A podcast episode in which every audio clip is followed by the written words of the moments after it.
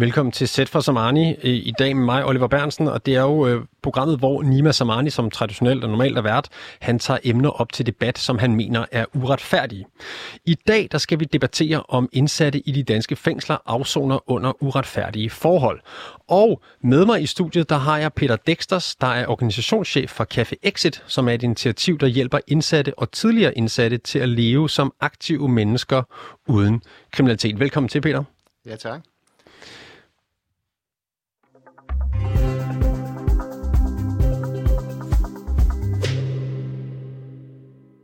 Vi, øh, vi skulle også øh, gerne have haft øh, Peter Skorup, der er retsordfører øh, for Dansk Folkeparti, med i programmet i dag. Han er øh, ikke ankommet nu, men måske på trapperne.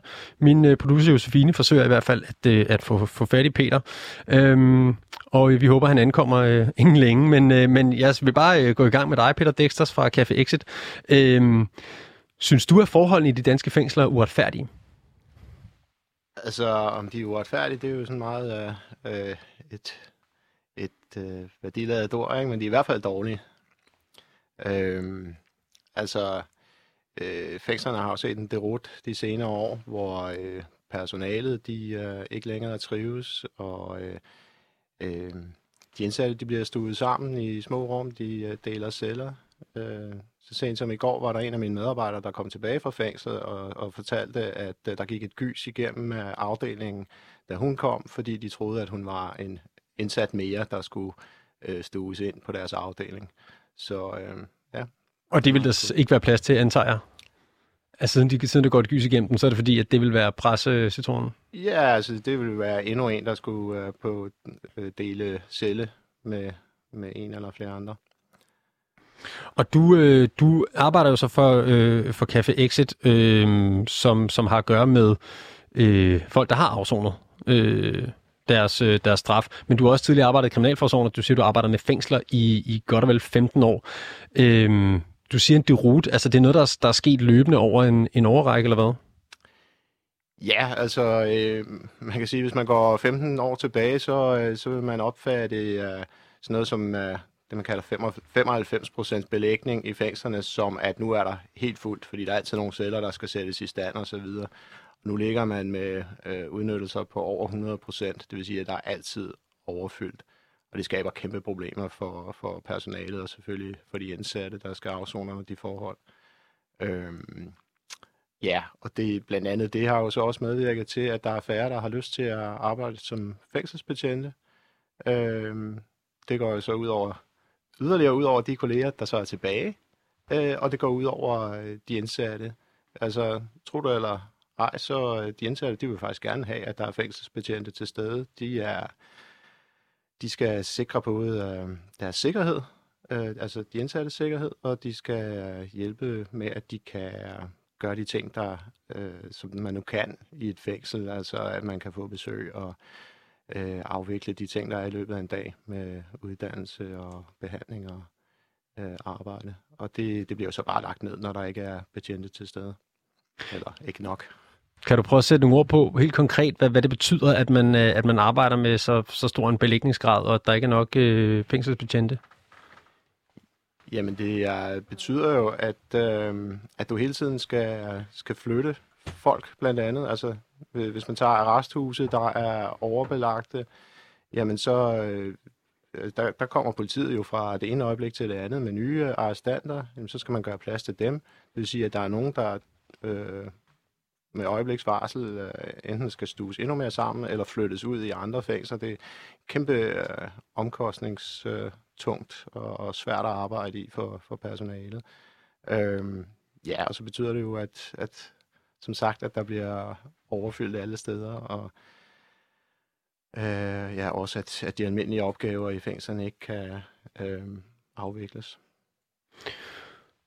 Du lytter øh, til Sæt for Samani, øh, programmet, hvor Nima Samani normalt tager emner op til debat, som han mener er uretfærdige med mig i studiet. Og jeg hedder Oliver Bernsen, jeg er ikke Nima Samani. Øh, jeg er vikarier i dag. Med mig i studiet, der har jeg Peter Dexters, der er organisationschef for Café Exit, som er et initiativ, der hjælper indsatte og tidligere indsatte med at leve som aktive mennesker uden kriminalitet kalder I det. Og du, øh, du har været med her i et par minutter. Nu har vi også fået selskab af Peter Skåb, der er retsordfører for Dansk Folkeparti. Velkommen til programmet, Peter Skåb. Meget tak. Øhm, jeg kommer til at køre øh, fornavn og efternavn, simpelthen fordi vi har to Peter i studiet, så det er ikke for at holde en formel tone, det er bare for, at lytterne kan, kan holde styr på, hvem der taler. Øh, Peter Skåb, jeg, jeg indledte programmet med at øh, spørge Peter Dexters, øh, om forholdene i de danske fængsler er uretfærdige. Øh, du får samme spørgsmål. Er de det? Nej, det mener jeg ikke, det er. Altså, jeg mener, det er sådan, at hvis man har lavet kriminalitet, så ryger man i fængsel. Uh, altså i hvert fald så alvorligt, at man får en fængselsstraf ved domstolene, og, og så er det ikke uretfærdigt, at man, man, man sidder der. Uh, det man så kan diskutere, det er, om, om der er for nogen af, af de indsatte side uh, øh, at tale om, at, at man oplever det mere som noget, noget ferieophold, eller, eller man får lidt, lidt for god behandling måske i forhold til det, man er vant til. Uh, og det er jo en diskussion, Dansk Folkeparti meget gerne vil tage. Altså, så du, øh, du mener simpelthen, at, at det kan gå den anden vej? Altså, at det, de indsatte har det lettere, end de burde have det? Ja, jeg mener, nogle af de, de, de virkelig hardcore indsatte, altså bandemedlemmerne for eksempel, LTF'erne, som uh, har martret uh, retssystemet igennem nogle år nu, uh, og stadigvæk ikke har opgivet kampen om, at, at de nok uh, vinder uh, over myndighederne på et eller andet tidspunkt. Det, det kommer jo ikke til at ske, eller det må ikke komme til at ske, men det tror de. Og derfor så, uh, så er der, er der brug for et hårdere regime der. Øhm, og, og der må man også sige, at der er nogle af dem, som øh, bruger øh, fængslet øh, til at, at rekruttere nye, altså, og, og, og det må jo ikke ske. Altså, det må ikke være sådan, at hvis man kommer i fængsel, at man så bliver mere kriminel, eller flere bliver kriminelle ud af at komme i fængsel. Vi skulle egentlig gerne nå frem til, at, at som, som Peter Dexter er inde på, at, øh, at det kunne være skønt, hvis, hvis man på den anden side af et fængselsophold øh, holder op med at lave kriminalitet. Og, og hvordan tror du, vi kommer derhen? Ja, det tror jeg ved, at, at øh, vi, vi sørger for, at dem, der virkelig laver balladen, og dem, der virkelig determineret, øh, hår, altså hårdfører øh, bandemedlemmer, der egentlig bare øh, helt øh, uden tvivl går efter at få flest mulige penge, hurtigst muligt, øh, koste hvad det vil, at de får et hårdt regime, og, og østeuropæiske kriminelle, som øh, øh, kommer til Danmark for at lave indbrud for eksempel, de må hjem og afzone. De skal ikke afzone danske fængsler. Øh, det vil også skabe noget mere plads. Øh, I øjeblikket har du kæmpe pladsproblemer og kæmpe rekrutteringsproblemer også, hvor vi mangler fængselsbetjente til at tage sig af de indsatte. Ja, det var netop noget af det, Peter Dexter han, øh, han talte om øh, tidligere, det er, at, at han siger, at de indsatte bliver stuet sammen, og der er simpelthen ikke nok fængselsbetjente, og det skaber øh, nogle dårlige forhold, tror jeg, du sagde. Jeg ved ikke, om du ville, du ville ikke svinge det op til at sige, om du var uretfærdig eller ej, men du sagde, at de ikke var særlig gode. Øhm, jamen, altså det gør jo, at, at de uh, indsatser, som, som vi er enige om, at, uh, at, at de, der uh, gerne vil, vil uh, skabe sig et liv uden, uden kriminalitet, de indsatser, som der skulle være i fængslet, de bliver undermineret, uh, fordi personalet ikke har tid til at uh, bringe folk mellem afdelinger og, og så videre, øh, fordi de ikke selv har tid til at deltage i det øh, betjentene. Øhm, og fordi at øh, betjentene ikke er til stede i hverdagen, blandt de indsatte, så har de ikke fingeren på pulsen, og så de ved ikke, øh, øh, hvem der eventuelt kunne udgøre en far. Øhm, det er jo sådan, hvis man kigger på Kriminalforsorgens øh, egen undersøgelse af, af vold i, i fængslerne, så er det kun omkring 1%, øh, som øh, laver den vold, der er i fængslerne, af de indsatte. Så de 99 procent andre gør ikke. Øh, så, så, så vi skal bare virkelig passe på med ikke at øh, tilrettelægge vores fængsler, sådan så det i virkeligheden er den ene procent øh, meget negativ, som styrer vores fængselsvæsen. Det vil være en, en trist udvikling, og, og det er der, vi kan være på vej hen jo. En af de øh, indsatte, som ikke synes, at forholdene i fængslerne altid er gode nok, det er en fyr, der hedder Kenneth, som, øh, som jeg talte med for et par dage siden, og jeg har lavet et kort interview med ham på bånd, så jeg vil sige, prøver at lytte med her, så kommer der øh, et klip med Kenneth. Kenneth, du, øh, du er, har fået en dom på to år og ni måneder øh, for voldtægt. Er det ikke korrekt? Det er korrekt. Ja, det er. Jeg sidder her for, for noget, jeg ikke har begået, hvilket er forfærdeligt. Alright. Øhm, og der, ja, det, det, det kan jeg jo ikke øh, vurdere, det ved, det ved vi ikke om, om hvad der er op og ned i den sag. Øh, men, men vi vil meget gerne, øh, jeg vil meget gerne øh, høre dig om, øh, om dine erfaringer med øh, at afzone den straf. Fordi ja. i forbindelse med det, der har, du, øh, der har du siddet i fængsel forskellige steder i, øh, i Danmark. Og øh, har blandt andet siddet i køgearrest. Kan du prøve at fortælle om, øh, hvad der skete, øh, inden du kom til køgearrest? Jamen, øh, der sad jeg jo i næste arrest øh, på en øh, dobbeltpind. Og øh, der var så en anden indsats, som, som gerne ville bo på dobbeltpind, og det sagde jeg, for det, det giver vi et skud. Øh, kort og lang er, at det, det gik ikke, og jeg siger så til vagterne, at ham der, han skal altså fjernes igen, for ellers så øh, sker der ting og sager. Øh, og det ender så med, at det er mig, der bliver rykket, øh, og jeg får så at vide, at jeg kan fortælle, hvor jeg gerne vil hen. Det tager de jo selvfølgelig hensyn til. Og jeg siger, at jeg er sådan set ligeglad med, hvor jeg kommer hen, hvor jeg kommer til Vester eller kører rest. Dagen efter siger de så, at du øh, har to timer til at pakke dine ting, øhm, og du rører til kørerest. Nå, det var jo en kæmpe slag, så øh, jeg må pakke mine ting og tage til kørerest. Så du, øh, du sidder altså på en, en dobbelt celle, og så kommer der en, øh, en, en ny cellekammerat ind, og I kan ikke sammen, og du beder øh, personalet om at, at, at tage hånd om den sag, og så bliver du flyttet til køgerest, og det var du ked af. Fordi, hvorfor ja, var du ked af det? Jamen også fordi, jeg, jeg, min familie og mine venner, øh, men jeg er jo født opvokset i Næstved, og alle sammen bor i Næstved, så det var, det var rart at være, være i Næstved igen efter et stykke tid. Ikke? Nu startede jeg ud nede i, i Storstrøms, øh, sad dernede i en, en god periode, og så var jeg så til Næstved. Det var jeg ret glad for. Hvor, hvordan var forholdene i Køge øh, sammenlignet med Næstved? Øh, puha, altså, cellerne var jo større, ikke? men altså alt andet var jo, var jo ikke, var ikke særlig fedt, eftersom du lukkede inden 23 timer i døgnet. Øh, så det var ligesom at sidde i isolation. Og det var du ikke i Næstved? Det var jeg ikke i Næstved, nej. Der var jeg ude en 4-5 timer om dagen. Så de forhold, du så afsonede under i Køge, var ikke de forhold, du sådan normalt ville afzone under, eller skulle afzone under? Nej, det, det vil jeg ikke mene, nej. De andre steder, jeg har siddet, der var der jo også mulighed for at lave sin egen mad nede i køkkenet og sådan noget. Ikke? Det var der jo ikke i, i Køge, der fik du de der jødeplatter, som de hedder, med noget tagligt foder på. Og hvor længe øh, sad du i køerest så? Der sad jeg i fire måneder. Og øh, så bad du om at blive flyttet, eller det gjorde du måske løbende? Ja, ja men altså, jeg, jeg ved ikke lige, hvorfor jeg blev flyttet, men øh, de mente i hvert fald, at jeg skulle et andet sted hen, så det var jeg jo super taknemmelig for. Hvordan var det at, at sidde fire måneder i, øh, i Køge under de vilkår, du var låst inde 23 timer i døgnet? Øh, velvidende, at du faktisk ikke burde afzone under de øh, forhold i, i forhold til din dom og din opførsel? Jamen altså, det var jo lidt forfærdeligt, ikke? Men altså, nu er det det løg, jeg har trukket, så det var der bare med at holde ud, jo. Øh, jeg havde foretrukket, at jeg skulle være et andet sted. Men øh, sådan skulle det ikke være. Hvordan påvirker det dig at sidde der? Øh, altså, det påvirker mig, du ved, der var meget råben og skrigen og ballade, og øh, der var ikke noget social kontakt, stort set jo, andet end når du fik en times gårdtur, eller skulle på toilettet eller i bad, så, øh, så skulle du lige snakke to minutter med en af vagterne, ikke? Ellers så, så var du bare lukket ind, og du sov til klokken 3 om eftermiddagen og gik i seng klokken 3 om natten. Og sådan fortsatte det bare. Du sagde, at du bad om, øh, specifikt om ikke at komme til Køge, men kom det så alligevel. Ved du, hvorfor du blev rykket til Køge? Øh, jeg ved ikke 100% øh, grunden, hvorfor jeg røg til Køge, men jeg kunne forestille mig, at det var det eneste sted, der, der ligesom var plads til mig. Ved du, hvorfor du skulle flyttes fra Næstved? Altså udover det med ham værelses, eller cellekammeraten der, altså hvorfor ikke finde en anden celle eller en anden løsning i, Næstved, ved du det? Jeg har ingen anelse. Men sådan nogle ting får vi heller ikke at vide. Tror du, der var plads til dig? Er det dit indtryk, der var plads til dig i Næstved? Nej, det, det tror jeg ikke, der var. Det tror jeg ikke, der var. Men øh, jeg tænker, at der har været plads andre steder. Du siger, at det var, at det var hårdt for dig øh, at sidde øh, i køge. Kan du prøve at sige noget mere om, hvordan det påvirker dig? Altså, hvordan føles det at, at være lukket inde i så mange timer i døgnet? Altså, man skal være mentalt stærk for at kunne være lukket inde så mange timer i døgnet. Øh, altså, der er jo... Ja, det er svært at forklare. Altså, man føler sig meget ensom. Øh, der er jo ikke noget social kontakt. Altså, det er jo ikke sundt for, for noget som helst menneske.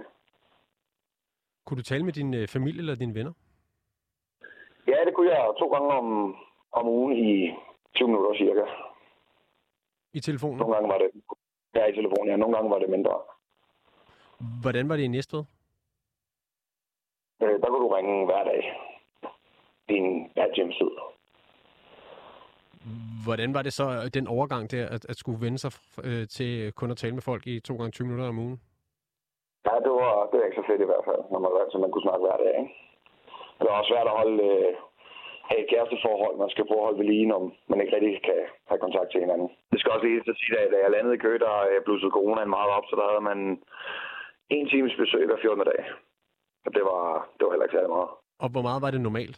Øh, Jeg ved ikke, hvordan det var normalt i Køge, fordi jeg, jeg kom jo der i, i coronatiden, men øh, de andre steder, jeg har siddet, der var det, der var det mere. Hvordan var det? Jamen altså, jeg kan huske noget i Storstrøms.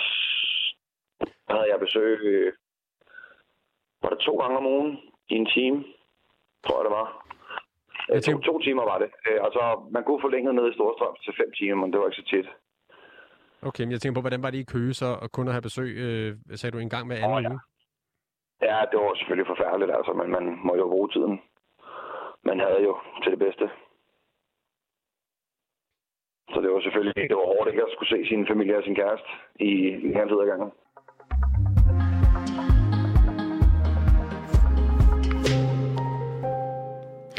Det var altså Kenneth, som, øh, som afsoner en dom på to år og ni måneder for voldtægt, som øh, fortæller, at han ender med at sidde isoleret i 23 timer i døgnet i Køge arrest i næsten fire måneder, på trods af, og det er så efter hans eget udsagn, skal jeg lige understrege, ikke var nogen disciplinære årsager til det, men, men han mener, at det skyldes øh, pladsproblemer, eller det var hans indtryk. Peter Dexters øh, fra Café Exit, hvad tænker du om det, Kenneth fortæller her? Jamen altså, det lyder som et øh, meget normalt øh, tilfælde, at det ikke er specifikke øh, hensyn til øh, den præcise indsatte og en vurdering af dem, men at det er forskellige pladsproblemer og så videre, som, uh, som man beslutter ud fra. Og, og det er selvfølgelig uhensigtsmæssigt, både for, for den enkelte, men også for hele systemet. Øhm, ja. Uh, ja. Peter Skåb, øh, øh, Kenneth, han, øh, han er, øh, i, så vidt jeg ved, ikke en LTF'er, eller en, som, som øh, virkelig forsøger at overvinde øh, hvad skal man sige, retssamfundet, men han ender med at sidde isoleret i 23 timer i døgnet i fire måneder. Hvad, siger, hvad, hvad tænker du om det? Ja, altså, nu, det, det er jo i hvert fald ikke særlig godt, hvis han mener, at han er uskyldig dømt. Så, så er det jo virkelig, øh, virkelig double trouble for, for ham. Øh, jeg vil så sige, at, øh, at det er i hvert fald sjældent, at vores retter, øh, efter nøje vurderinger i retssager, øh, ender ud med at dømme nogen, øh, der er uskyldige. Mm. Øh, Hvis vi men- nu men fokuserer når- på afsoningen Ja. her, og på, på det, Peter men, Dexter men, siger. Men det er rigtigt. Altså, det er jo, det er jo som Peter øh, Dexter siger, at, at det er jo den situation, vi har i øjeblikket, at der er indsat i danske fængsler, hvor øh, fængselsbetjentene har øh, kun har tid til en eneste ting, det er at sørge for, at de ikke flygter, mere eller mindre. Sørge for selvfølgelig, at de får mad og drikke og så videre. Men, men de der ting, som er den, er den, måske den sociale kontakt, som for nogen kan være vigtig, med henblik på at, at få et, et godt liv på den anden side. Det, det, det, det, det er nok forduftet i øjeblikket. Og, og, og hver dag, er det mit indtryk, der mister man medarbejdere hos Kriminalforsorgen, og der må vi jo så sige til regeringen, kom nu i gang. Altså kom nu ind i kampen. Uh, se nu at få uh, givet løn under uddannelse, en bedre løn til fængselsbetjente, bedre arbejdsvilkår, så vi kan få fat i nogle af de folk, der så skal hjælpe med til, at det her foregår på en ordentlig måde. Men, men jeg må så sige, jeg, ja, det er ikke fordi, jeg har sådan en kæmpe medlidenhed med Kenneth, Kenneth, fordi han, han skulle jo have tænkt på det der, inden han begik sin kriminalitet, fordi det at sidde i fængsel skal ikke være et ferieophold. Du siger, at regeringen skal komme i gang, øh, og du nævner nogle konkrete øh, tiltag der, som du gerne så indført. Hvordan, øh, hvordan forsøger du at få regeringen til at komme i gang?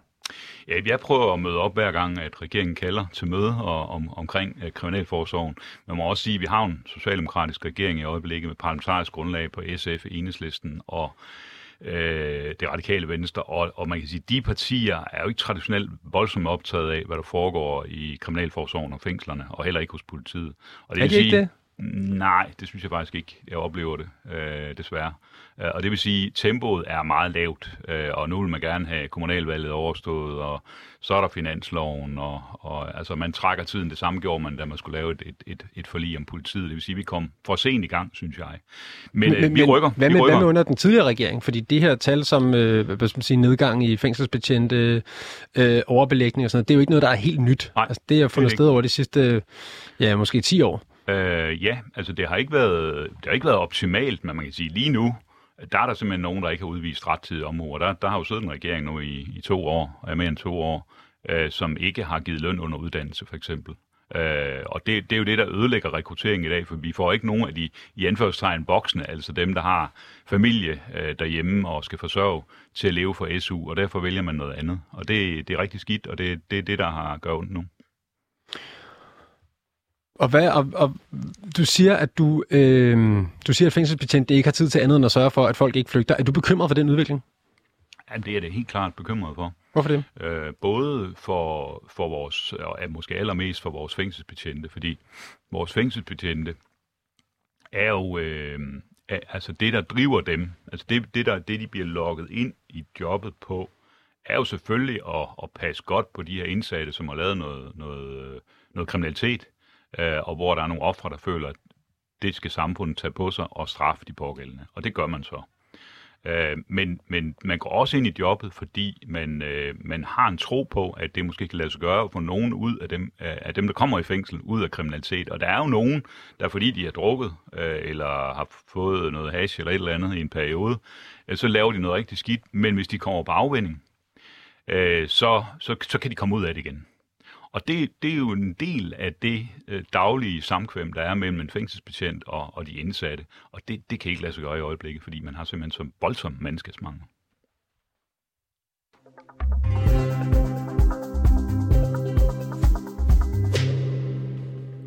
Du lytter til Sæt for Samani i dag med mig, Oliver Bernsen, som vikar for Nima Samani, som normalt i programmet her tager emner op til debat, som han synes er uretfærdige. Og i dag der skal vi debattere om forholdene i de danske fængsler er uretfærdige. Og med mig i studiet der har jeg Peter Skåb, retsordfører for Dansk Folkeparti, og Peter Dexters, der er organisationschef for Café Exit, som er et initiativ, der hjælper tidligere indsatte, øh, hjælper indsatte og tidligere indsatte. I forgårs, der udkom Institut for Menneskerettigheder med en ny rapport, og den hedder Forhøjet risiko for krænkelse, manglende kapacitet i fængsler udfordrer menneskerettighederne. Øh, vi ville rigtig gerne have haft nogen fra Institut for Menneskerettigheder med i programmet, men de har desværre ikke haft mulighed for at medvirke. Øhm, så derfor så må I nøjes med min øh, lidt grove opsummering af, hvad der står i den rapport. Øh, men det, den blandt andet beskriver, det er, at øh, forholdene i de danske fængsler på en række områder gør øh, livet hårdere for de indsatte. Det gælder blandt andet overbelægning. Altså, der er flere øh, indsatte i fængslerne, end de reelt er bygget til. Øh, de indsatte bliver i højere grad end tidligere idømt strafcelle, altså hvor de er isoleret 23 timer i døgnet. Øh, tilsyn og udgang og andre alternativer til afsoning, det bliver brugt i mindre grad end tidligere. De indsatte i danske fængsler bliver også forrådet, fordi de sidder længere i fængsel, og fordi personer, som idømmes kortere straffe, afsoner med fodlænke, og altså uden for fængslerne. Så dem, der ligesom er tilbage, det er det er de, øh, den hårde kerne, kan man sige. Øhm, og så bliver der, som vi også taler om, færre og færre fængselsbetjente til at tage sig af de indsatte. Og fængselsbetjentene har ifølge rapporten også mindre tid til at resocialisere de indsatte, fordi de i højere grad skal foretage cellevisitationer og tage urinprøver. Øhm, Peter Skåb, hvis menneskerettighederne simpelthen er i risiko for at blive krænket i de danske fængsler, skal vi så ikke skynde os at få gøre noget ved det? Øh, vi skal under omstændigheder skynde os at gøre noget ved det. Øh, jeg tror ikke, jeg vil tillade mig til at skrive under på alt, hvad, hvad Institut for Menneskerettighed finder frem til her, men, men én ting kan vi i hvert fald være enige om, det er den her overbelægning. Den, den duer jo ikke. Altså hvis man, har, hvis man har bygget nogle fængsler for at have et såkaldt belæg øh, i, i fængslerne på Øh, ja, vel i øjeblikket er det 96 procent, man, man siger. Øh, tidligere var det 3, 3, 2, 3, 4, Altså som er det, man sigter efter? Ja, som man ja. sigter efter, fordi man skal have mulighed for at kunne rokere rundt, hvis nogen laver noget uro, eller hvis der er behov for at gøre et eller andet, øh, så, så må der ikke være fuldstændig belæg, eller 110 procent, som man har i perioder nogle steder. Ja, det har man nu ligger den jo på over 100 procent. Det er voldsomt, og, og specielt øh, visse lukkede øh, fængsler er jo, er jo totalt overbelagt, og, overbelagt, og det er jo også der, fæng, øh, bandemedlemmerne er øh, typisk, fordi de har lavet så grov kriminalitet, at de skal sidde i lukket fængsel, såkaldt lukket fængsel. Derfor så øh, holder det ikke ret lang tid, øh, og det, det er jo også det, man beskriver i den her rapport, øh, givetvis. Jeg har ikke set den med i detaljer. Men det gode spørgsmål er jo så, når man så argumenterer imod de såkaldte strafceller, for det er jo det, mm. det Institut for Menneskerettighed at gøre. Vi har også øh, haft øh, besøg i, i Folketingets retsudvalg af flere, der, der mener det samme. Øh, så er spørgsmålet bare, hvilket alternativ er der? Fordi strafceller bliver brugt øh, hvis der er disciplinære problemer, hvis der er en, der har lavet slåskamp, eller, eller ikke gider at, at markere ret, eller ikke har opgivet kampen mod myndighederne, som LTF'en, LTF'eren, han, han, han måske har det. Altså hvis man har det på den måde, så skal der jo en eller anden form for sanktion til, så man ikke ødelægger det for dem, der, der, der gerne øh, vil øh, trods alt opføre sig ordentligt, når de sidder i fængsel. Peter Dexters, hvad siger du til det? Der skal jo en eller anden sanktion til. Er det ikke, har Peter Skåb ikke ret i det? Altså, hvis man bliver ved med at lave ballade, mens man sidder i fængsel? Jo, men vi skal, vi skal bare huske igen, at øh, altså, som sagt, det er 1% af de indsatte, der står bag den vold, der er. Og øh, i dag der blev du øh, idømt strafcelle for at, at have en mobil, som rigtig mange øh, vil have for at kunne være i kontakt med deres familie og, og sådan noget, og ikke for at lave øh, kriminalitet. det kan selvfølgelig være et problem alligevel, men øh, så øh, man kan få strafcelle for at øh, blive taget i at ryge. Øh, altså ikke nødvendigvis, øh, øh, fordi man er, øh, sætter sig op imod øh, hele systemet og, og så videre, og er uden for rækkevidde. Øhm, så det er jo en ting. Men, men det er jo også bare et, øh, et generelt problem. Med, altså for alle fængselssystemer i verden, så er der bare konstant et, øh, en risiko for, at det udvikler sig til øh, et øh, parallelt samfund. Altså noget, som vi ikke kan genkende fra vores eget samfund. Så hvis vi ikke, hvis ikke personalet og omverdenen er med til konstant at forsøge at holde øh, kursen på, at, øh, at øh, danske fængsler skal afspejle det danske samfund, og ikke, øh, ja, ikke bander og, og så videre, jamen øh, så, øh, så, så risikerer man bare, at, at det bliver netop den her øh, arne sted for, for mere kriminalitet. Men, men altså, nu, når du siger parallelsamfund, så tænker jeg, kan du uddybe det, fordi jeg tænker, det er et fængsel vel? Altså, det er vel et samfund, som ikke er ligesom det normale samfund. Der er jo nogle andre regler, og du, du bor på nogle andre måder, eller hvad? Jo, men, men det er jo kulturen. Altså, øh, altså, når man bevæger sig igennem fængselssystemet, øh, de forskellige fængsler og afdelinger, så kan du se afdelinger, der fungerer øh, på et højt niveau, og afdelinger, der ikke gør. Øh, og det er typisk kulturen på afdelingen, der er afgørende. Øh, altså den, som man har udviklet mellem øh, indsatte og ansatte over tid. Og det kan tage år at udvikle en ordentlig kultur, som så bliver givet videre til de næste øh, øh, øh, ansatte og, og indsatte. Øh, og i sådan en periode som det her, der smadrer du øh, hele systemet ved, at, øh, at der ikke er personale, der kan være med til at opretholde en ordentlig kultur. Men også øh, øh de indsatte, der, de indsatte får også svære ved at, at gå ind i et ordentligt samarbejde med øh, personalet, når, når det hele er så presset. Peter Skåb, vi hører her fra Peter Dexters, at, at øh, hvis man siger, man har skærpet brugen af strafceller, øh, strafceller for rygning og mobiltelefoner. Altså risikerer man ikke netop at skabe nogle, en, en forråelse? Risikerer man ikke netop, at folk, der kommer ud fra fængslerne, er blevet mere rå, end da de kom ind, ved at, at straffe dem for at ryge en cigaret, for eksempel? Øh, jeg mener, man øh, er nødt til at have nogle disciplinære sanktioner, hvis man ikke indordner sig under forholdene. Altså, det er jo ikke meget anderledes, end at hvis man øh, her hos Radio Loud siger, at man må ikke ryge, øh, og vi alligevel begynder at ryge, jamen, så kan det være, at I ikke gider have os i studiet lige pludselig. Eller hvis man øh, har fået at vide i fængslerne, at man ikke må have en mobiltelefon med, fordi der er risiko for, at nogen begår kriminalitet, mens de sidder i fængsel. Det kan godt være, at nogen kan tale med deres familie gerne. Det, det vil jeg ikke udelukke, men man har jo altså adgang til en telefon i fængslet. Man har også adgang til besøg fra familie, så, så den del kan man jo godt klare. Øhm, så, så det der mobiltelefon øh, helvede, man har haft i fængslerne, og har stadigvæk, der, der er stadigvæk mobiltelefoner i fængslet, det er altså ikke ret godt, fordi dermed har man jo også adgang til internettet. Og vi har lige set en, øh, jo, en, en øh, person, der har fået en terrordom, øh, der har fåbet rigtig mange mennesker for øh, penge via, via afluring af, af forskellige koder, dankortkoder. Øh, ja, han har åbenbart fortsat sin kriminalitet, mens han sidder i fængsel. Ja, det er jo dybt krænkende for retsbevidstheden. Det går simpelthen ikke.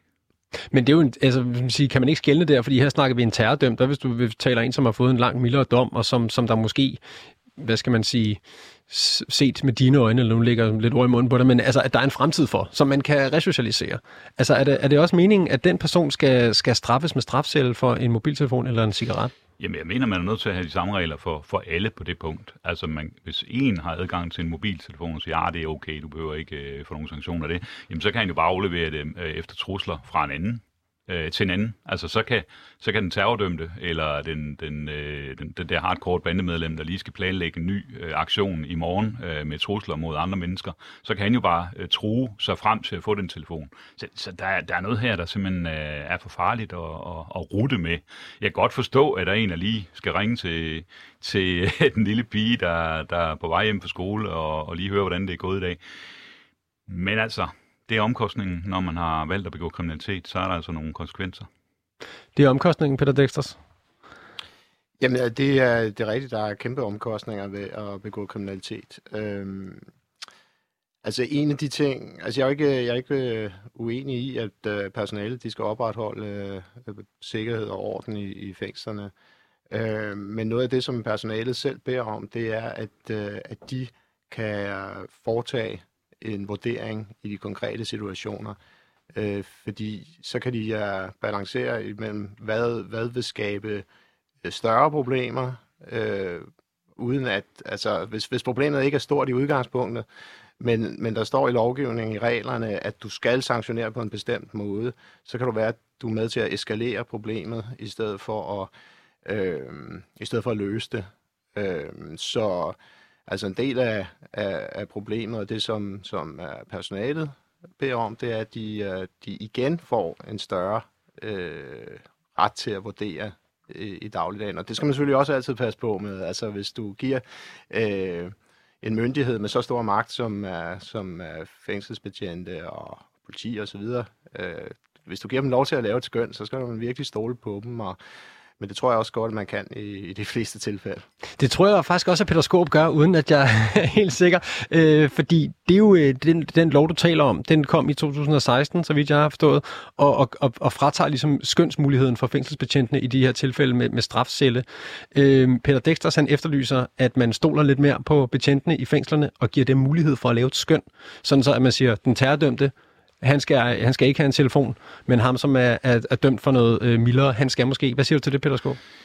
Altså, jeg er helt åben over for at diskutere, om det, det er strafcelle i alle tilfælde, eller det, er, eller det er noget andet. Men, men jeg er ikke åben over for, at man ikke skal lave en sanktion. Altså, at det ikke skal have en konsekvens, når man bryder reglerne. Fordi det kender vi også fra, fra, fra børn, at, at øh, hvis ting ikke har konsekvenser, jamen så sejler det lige pludselig ikke. Og, og et eller andet sted, så skal der jo altså være lidt hold på tingene, når man sidder i fængsel og har lavet kriminalitet. Men, så jeg, vil ikke, jeg vil ikke slappe kursen. Nej, okay, men, men, man kan sige... finde, finde ud af noget andet, hvis, det, hvis vi kan finde noget, der kan bruges. Jeg tænker mere på skønnet. Altså fordi med børn, der har man jo også nogle forældre, der tager et skøn og siger, øh, i den her situation går det, i den her situation går det ikke.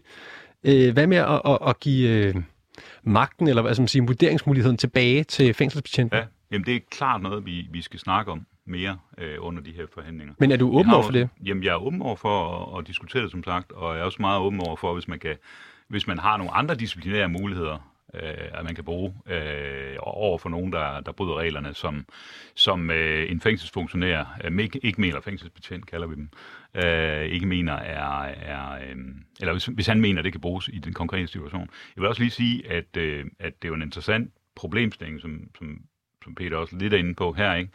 Fordi øh, der netop er nogle steder, hvor, hvor det måske er gået over kevind med, med vores byråkrati øh, over for de ansatte i fængslerne. Altså for eksempel det her med, at, øh, at hvis man bruger øh, håndjern, eller skal bruge håndjern i forbindelse med en, os en transport af en, af en arrestant, en der sidder i fængsel, så skal der ske en indberetning.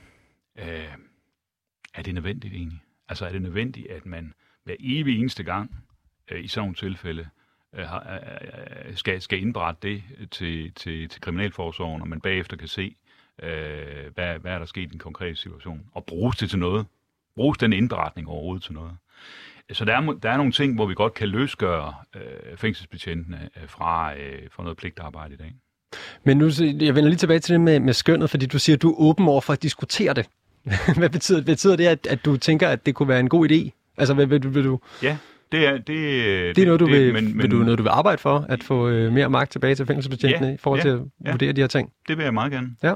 Men jeg vil godt have, at, øh, at når der i dag er en automatik med, at man ryger strafcelle, at man så har et andet redskab. For det nytter jo ikke noget, at man siger til fængselsbetjentene, nu må I selv skønne, øh, så er der måske mange, der vil sige, jamen, jamen så skønner vi, at der ikke skal ske noget, fordi alternativet er strafcelle. Der vil jeg godt komme med et alternativ. Og der har jeg også efterlyst, de gange vi har møder, haft møder med, med folk fra, øh, fra systemet, øh, og blandt andet Dignity og Institut for Menneskerettighed, at de kommer op med alternativer. Fordi der skal være en mulighed for at give en sanktion, øh, hvis man ikke opfører sig ordentligt. Har du et bud på sådan en sanktion? Nej, øh, og det er jo netop, der, øh, det er jo netop derfor strafcellen på et eller andet tidspunkt i, i Danmarks historie er kommet op, fordi man netop har haft problemer med at finde alternativer. Men man kan jo øh, forestille sig nogle, nogle teknologiske redskaber, måske man kunne indføre. Altså teknologien udvikler sig hele tiden. Altså bare tænk på vores øh, iPhones. Hvad kan de ikke øh, mm. mod det, de kunne for år tilbage? Ikke? Så det kan jo godt være, at der kan laves nogle redskaber, øh, specielt i de fængsler, der er mere moderne. Uh, og her er vi så tilbage ved en af, de, en af de udfordringer, vi har. Det er jo, at vores fængselskapacitet og rester er meget, meget gammeldags. Altså det ligger tit inde i byerne, dårligt placeret.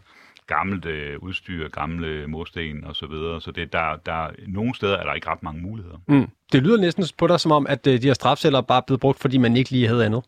Eller hvad? Det bliver en slags nødløsning, så må vi bare ja, bruge dem altså inden, øh, nogen, for døgnet. nogen der er, den, der er det jo helt nødvendigt. Altså der er det nødvendigt, at man kan sige til en, en LTF'er, der laver ballade, at nu kommer du derind lige nu, øh, så, så har vi ligesom dig på plads væk fra, fra de andre.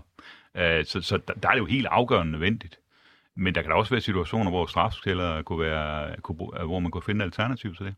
Har du nogen bud på alternativer, Peter Dexters? Fordi Peter Storup, han, han efterlyser nogen. Han siger, at det kunne være fint, at man ikke øh, brugte de her strafceller så meget, men, men der skal være noget andet, sådan så man ma- kan markere, nu har du brudt reglerne, det går ikke. Nej, altså, jeg, jeg vil ikke komme med, med helt konkrete bud her, men, men altså, det, altså, der er jo faktisk mange indsatte, som er inde på noget af det samme, øh, hvor de siger, at jamen, i det omfang, man ikke øh, har noget, man kan blive frataget, jamen så, øh, så kan folk jo bare øh, spille åndssvage. Øh, altså hvis, hvis alting er, er, er frataget ind fra start. Øh, så øh, jo mere man kan tilbyde øh, til, til dem, der øh, kan finde ud af at tage imod det, øh, jamen øh, jo mere kan man jo så også miste, hvis, hvis man ikke kan finde ud af at tage imod det. Øh, så så øh, fyld øh, fængslerne med, øh, med fornuftige ting, som bygger folk op, altså uddannelse og arbejde og øh, behandling, som, som Peter Skårup er inde på. Øh, men derudover så kan man også prøve at gå ud i, øh, øh, både ud i vores øh, egne fængsler og tale med personale og ledelse derude og, og spørge dem. Øh, og så kan man spørge i udlandet, øh, hvad har man for nogle erfaringer, fordi øh, det er ikke alle lande, der bruger strafcelle i samme omfang. Øh, og det er jo ikke sådan, at, at de, øh, deres fængsler nødvendigvis øh, kører dårligere end vores, i hvert fald ikke i dag. Noget, man måske kunne lige kunne tilføje, det er, at, at dem, der har overfaldet fængselsbetjente, øh, der er der en tilbøjelighed til inden for systemet, at, at straffen, altså sagen, kommer først til at køre på et langt senere tidspunkt. Der kunne jeg jo godt tænke mig, at der skete noget prompte, øh, når man har overfaldet en fængselsbetjent, øh, og, og, og der er en følgelig straf. Altså jeg siger jo, straffen for overfald plus et år, altså et års ekstra fængsel. Så, så der ligesom er nogle, nogle fuldstændig utvetydige grænser, man forstår øh, som, som indsat her. Og, og så nu, nu er vi jo inde på teknologien, altså for eksempel i Ringe øh, statsfængsel, hvor man i dag kun har øh, udvisningsdømte, der har man jo over, øh, indført videoovervågning øh, af, de, øh, af de indsatte, øh, fordi, også fordi man simpelthen har personalemangel. Øh, big time øh, det pågældende sted. Øh, og det er, jo, det, er jo en, det er jo en mulighed, man kan bruge det mere øh, i vores fængsler. Øh, men altså grundlæggende, så mener jeg så, at, at vi kunne nå rigtig meget, hvis vi kunne hjemsende, og det skal vi gøre, vores, øh, vores øh, udenlandske indsatte i fængslerne. Det vil skabe øh, plads, øh, virkelig meget plads rundt omkring i vores fængsler. Hjem til hjemlandene eller i et tredje land, øh, så må de afzone, hvis ikke de danske statsborgere. Så øh, vi foreslår i forhandlingerne, at man får øh, 300-400 pladser i et øh, tredje land, hvor de kan være, indtil de så kommer hjem til deres eget land. Okay.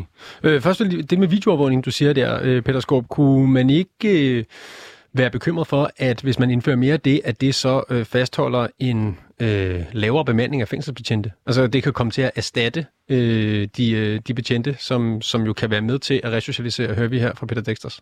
Og som Jo, du også selv er inde det- på, jo, det, jo. at spiller en rolle i forhold til resocialisering. Og det er jo så også, man har, det er også det, man har i Ringe statsfængsel. Der har man øh, mindre bemanding, øh, simpelthen også på grund af den her personalmangel, også fordi det er udenlandske indsatte, som ikke skal resocialiseres og ikke skal igennem det system, som øh, mange gerne vil have, nemlig at man får en chance på den anden side af, af ens fængselsophold.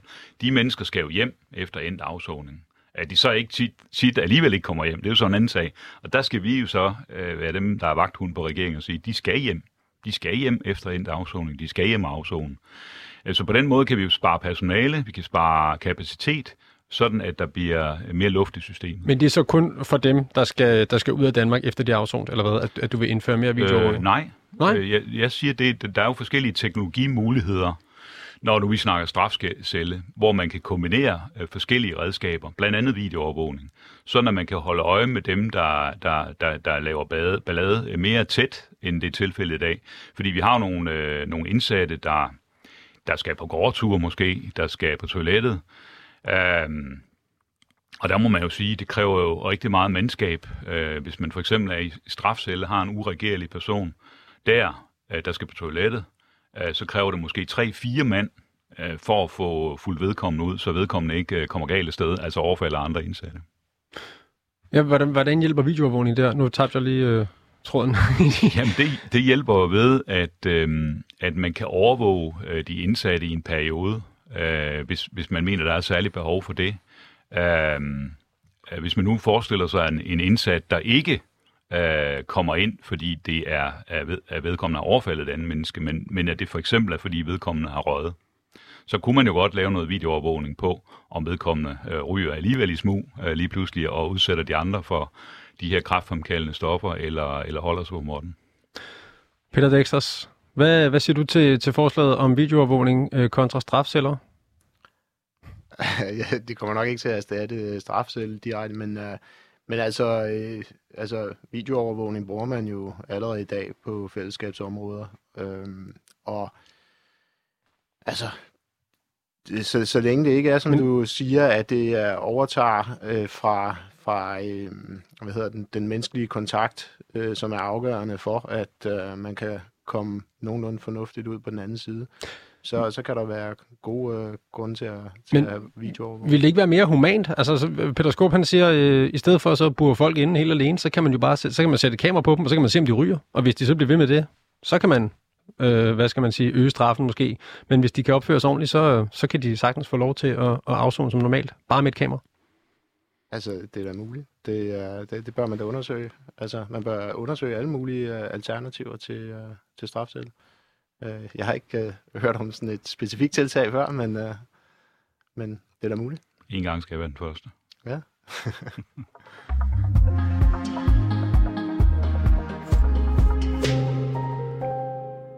Du lytter til Sæt for Samani i dag med mig, Oliver Bernsen, som vikar for Nima Samani, som normalt tager emner op til debat, som han synes er uretfærdige. I dag der skal vi debattere, om forholdene i de danske fængsler er uretfærdige, og med mig i studiet har jeg Peter Skåb, retsordfører for Dansk Folkeparti, og Peter Dexters, der er organisationschef for Café Exit, som er et initiativ, der hjælper indsatte og tidligere indsatte. Vi debatterer forholdene i de danske fængsler, og indtil videre i programmet, der har det, der har de, ja, det, det passer måske ikke, at det har mest handlet om de indsatte, men det har meget handlet om de indsatte. Men de ansattes forhold, de bliver også kritiseret i, i den øh, rapport, som Institut for Menneskerettigheder er kommet med i forgårs om forholdene i de danske fængsler.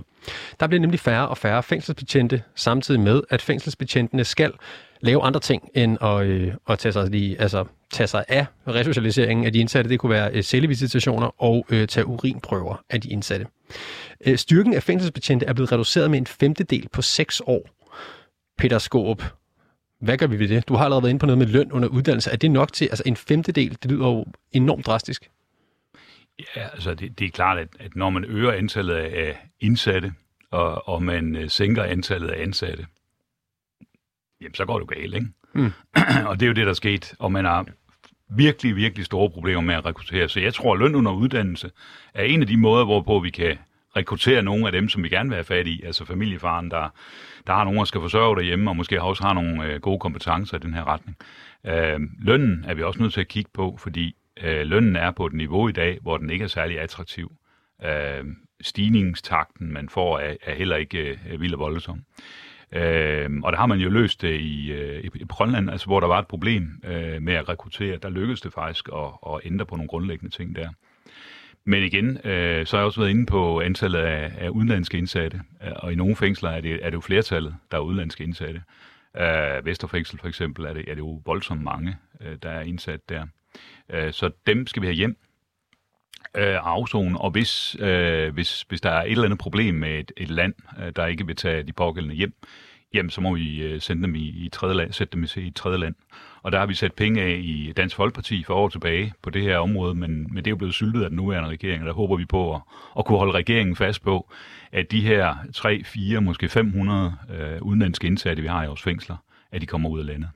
Men hvad med forholdene for de danske indsatte? At dem, som ikke skal, skal ud igennem, som skal ud i samfundet bagefter, øh, du har selv været inde på, at de ville blive bedre af, at der var at fængselsbetjente, der havde bedre tid, og det er ikke rigtigt forstået. Altså, der er tid til resocialiseringsopgaver. Hvad med nogle flere fængselsbetjente bare generelt?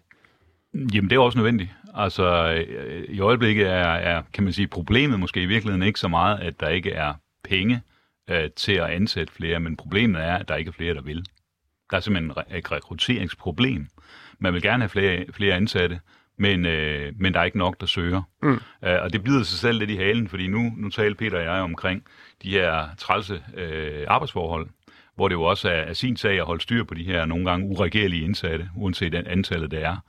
Øhm, og hvis, hvis, hvis omkostningerne er så store, at man kommer til skade, og man har et stresset arbejde, man kan ikke være hjemme med familien, fordi man bliver udkommanderet på vagter i weekender, øh, hver weekend nærmest, jamen så er det, at det, det er så lidt attraktivt, at vi ikke får flere til at søge ind. Og så bider det sig selv i halen, fordi så, så ender det bare galt det hele. Mm. Men, men kunne man ikke fra politisk hold gå ind og sige, øh, vi, vi, altså, vi skruer op for nummeringen, eller, eller gøre nogle andre ting, som vil gøre arbejdsmiljøet bedre, og på den måde rekruttere nogle flere? Jeg ved godt, at man skal starte et sted, men altså, hvis nu man, hvis nu man hvad skal man sige, garanterer bedre forhold for de fængselsbetjente, som må søge ind?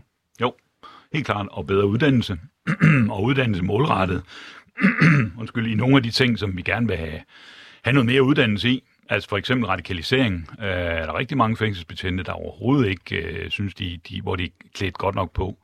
Øh, bandeproblematikken er der også fængselsbetjente, der synes, at de føler sig magtesløse over for nogle af de, de, øh, de hardcore bandemedlemmer, vi har i vores fængsler. Og vil det være noget, som du tror vil få flere til at søge jobbet? Som, ja, det tror jeg. At, jeg tror at, at du bliver uddannet i radikalisering ja. og, bandeproblematik. Ja. Hvorfor det? Jo, fordi det, det er, der er ingen tvivl om, at der er mennesker i Danmark, som uh, unge mennesker også, der gerne vil arbejde med de her ting for hvem det er. Det giver livet mening, hvis man kan øh, for eksempel få rettet op på nogle af dem, som, øh, som, som er bandemedlemmer, og, og få dem ud i noget exit, øh, hvor man kommer ud af, øh, ud af bandemiljøet bagefter. Men, øh, men det er lige så sikkert, at med de nuværende forhold, så er det et stort skræmmebillede. Altså, hvis man ser sådan på de forskellige erhverv, man kan søge ind, og hvor kunne man have interesse, så er det nok snarere politiet, man vælger, end at blive fængselsbetjent i dag. Peter Dexters fra, fra Café Exit. Øh, du øh, du øh, beskæftiger dig med de indsatte og tidligere indsatte øh, og deres forhold. Men hvad skal man sige, vil det, er der et modsætningsforhold mellem de indsattes forhold og de ansattes forhold? Altså, vil, øh, vil forholdene ikke blive bedre for, hvad skal man sige, din målgruppe, de indsatte, hvis man, øh, hvis man skruede op for de ansattes forhold? Jamen, helt sikkert. Altså 100% sikkert. Altså, øh, den almindelige indsatte er kun interesseret i, at øh, bemandingen er, øh, som den skal være. Øh, fordi det er, altså forestil dig at være, øh, altså du befinder dig i nogle andres varetægt. Det vil sige, alt hvad du skal, skal gøre. Nu, altså hvis du sidder i resthus, hvor, som er et gammelt resthus, så skal du øh, have personale, bare for at du kan komme på toilettet. Øh, du, alt hvad du skal gøre, øh, have kontakt til din familie, øh, øh, måske få uddannelse og, og så videre. Ikke? Du er afhængig af nogle andre hele vejen igennem. Ikke? Dit liv er øh, simpelthen afhængig af de her mennesker. Så selvfølgelig er de interesseret i, at, at de er der, og at de er dygtige. Øh, I forhold til det, øh, Peter Skorup siger, så, øh, så, så viser Kriminalforsorgens øh, analyse af, hvorfor holder øh, fængselsbetjente op, jamen de peger lige præcis øh, på noget af det, som, øh, som Peter er inde på. De, vil, øh, øh, de får ikke uddannelse. Altså, de, de har ikke mulighed for at udvikle sig i deres job. Og jeg synes bare, at i løbet af den her samtale, vi har haft, øh, øh, har vi været inde på, hvor komplekst det er. Altså at, at skelne mellem de forskellige i hverdagen. Øh, altså, hvordan skal man sanktionere forskellige ting? Altså, det er jo øh, altså, det, er det samme, som en leder skal, skal foretage sig, bare med nogle mennesker, som er, er tvunget til at være der. Ikke? Øh, så det er mega komplekst, og de har brug for øh, meget mere anerkendelse, uddannelse osv. Øh, udover, udover den mulighed for udvikling, så er det, de er, peger på allerhøjeste grad, det, det er et meningsfuldt job. Og med mening, så er det netop det der med at kunne gøre en forskel. Øh, hjælpe til med at få, få folk på rette vej. Øh, og Altså, du, siger menings, meningsfuldt job. Er det, og, og Peter Skåb, han snakker om løn under uddannelse og, og uddannelse i radikalisering. Er det, møder I hinanden der, eller er det noget andet, du mener, når du siger meningsfuldhed? Fordi, hvad er det?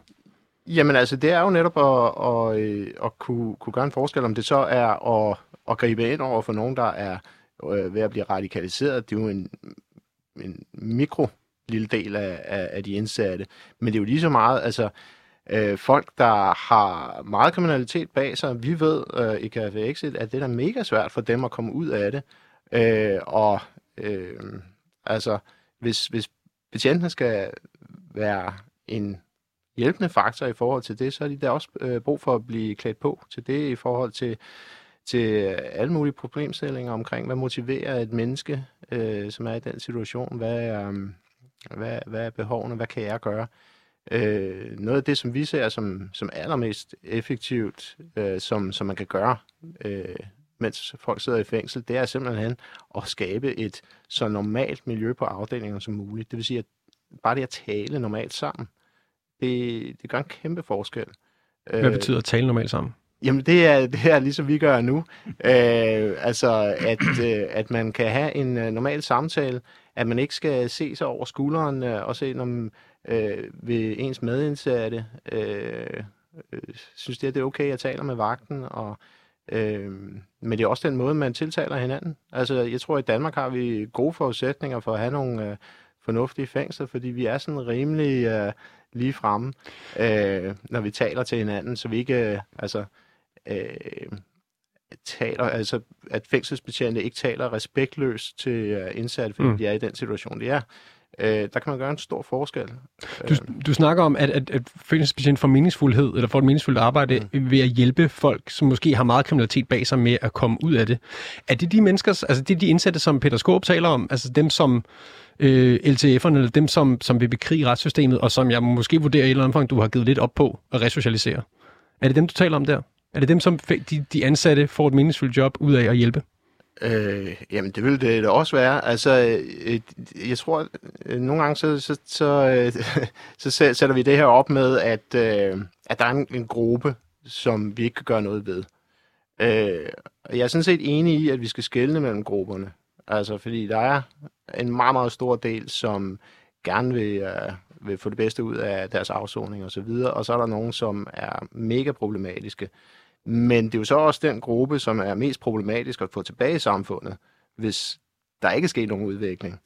Fordi så, så skal de ud og være naboer med, med os andre, øh, og ikke sidde i fængsel. Så, så der, øh, altså, der håber jeg bare, at man i stedet for at sige, at øh, dem skal vi ikke gøre noget ved, de skal bare smides i et hul, øh, at man så prøver at udvikle øh, fornuftige tilgang til at få dem øh, øh, på andre tanker. Ikke? Øh, og det gætter jeg på, at der er nogen i, i Kriminalforsorgen, der arbejder med. Øh, men, øh, men... Jeg vil lige have, Peter Skub, er du enig i den sondring med, at det er altså en meget, meget lille gruppe, som, øh, som vi har givet op på, eller som, som man ikke kan nå med resocialisering? Ja, nu skal man tænke på, at det er jo ret mange, der kommer i fængsel. Så, så i, i, den, i, i forhold til antallet, der er i fængsel, øh, så, er det, så er det jo øh, ikke så mange, som man har givet helt op på. Øh, og spørgsmålet er også, om vi skal give op.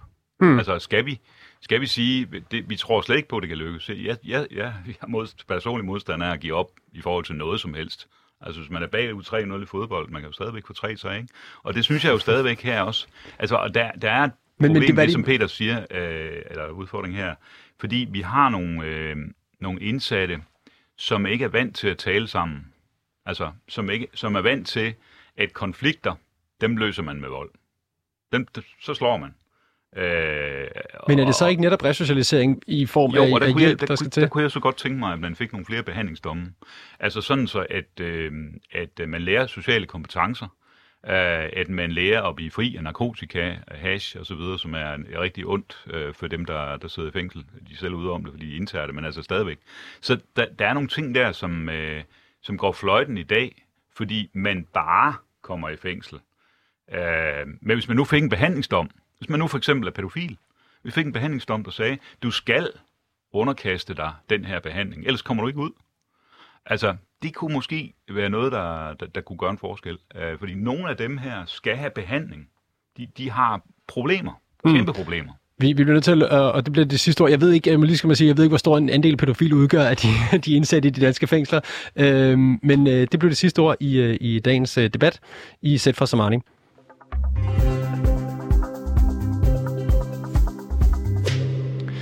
Med mig i studiet, der har jeg haft Peter Skåb, retsordfører for Dansk Folkeparti, og Peter Dexters fra øh, øh, organisationen Café øh, Exit, der hjælper indsatte og tidligere indsatte.